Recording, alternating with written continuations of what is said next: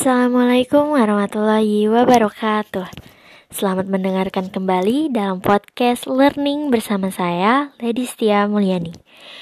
Kali ini kita akan membahas mengenai materi latihan nafas dalam dan batuk efektif. Semoga aja setelah saya mempost podcast ini, kalian bisa berbagi dengan yang lainnya ya.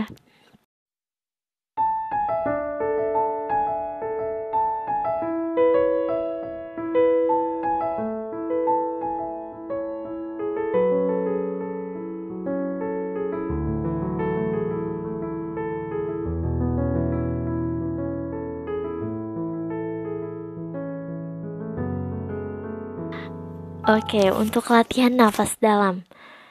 Biasanya banyak yang mempengaruhi pernafasan kita ya.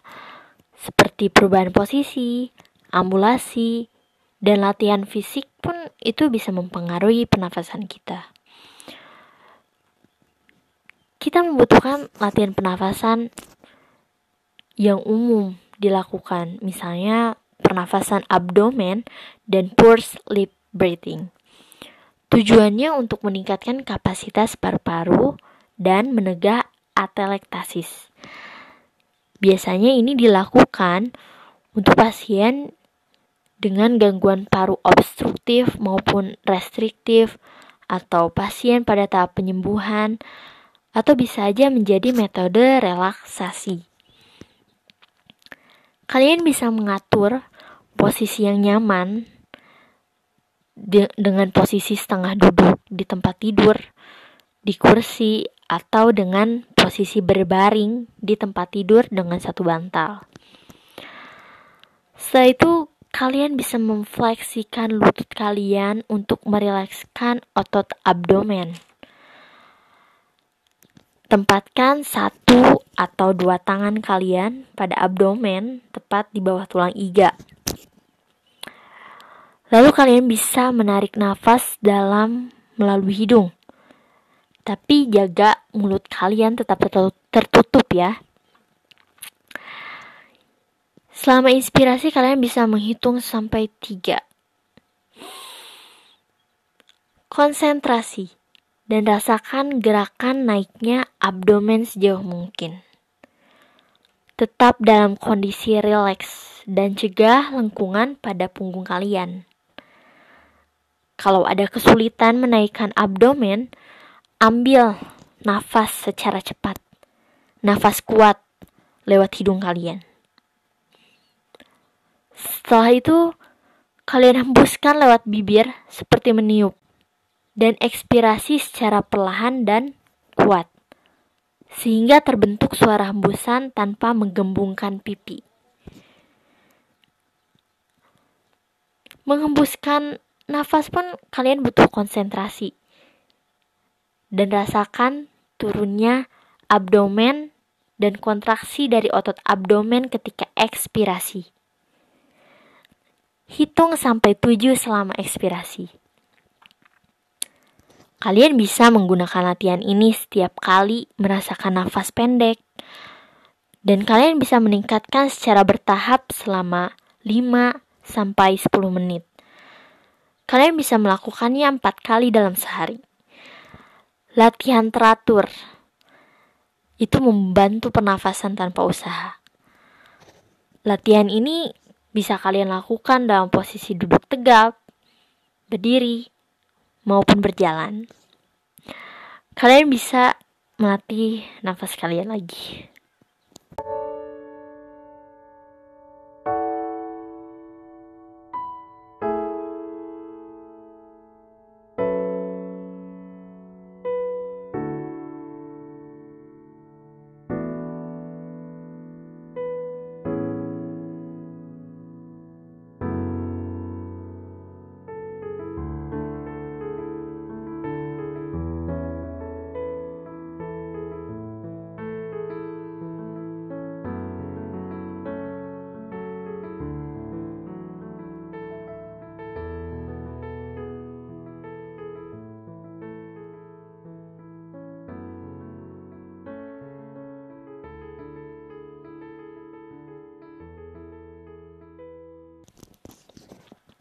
Nah, gimana?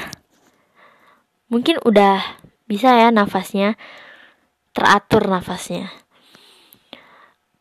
Setelah nafas kita bakalan ngebahas latihan batuk efektif.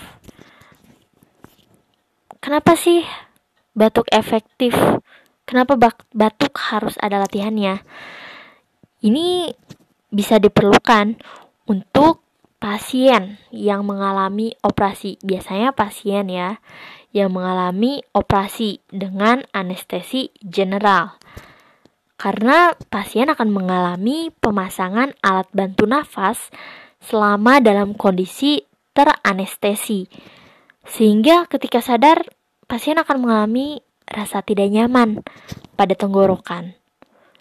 Kerasa banyak lendir. Nah, latihan batuk efektif ini bermanfaat bagi pasien setelah operasi. Itu untuk mengeluarkan lendir.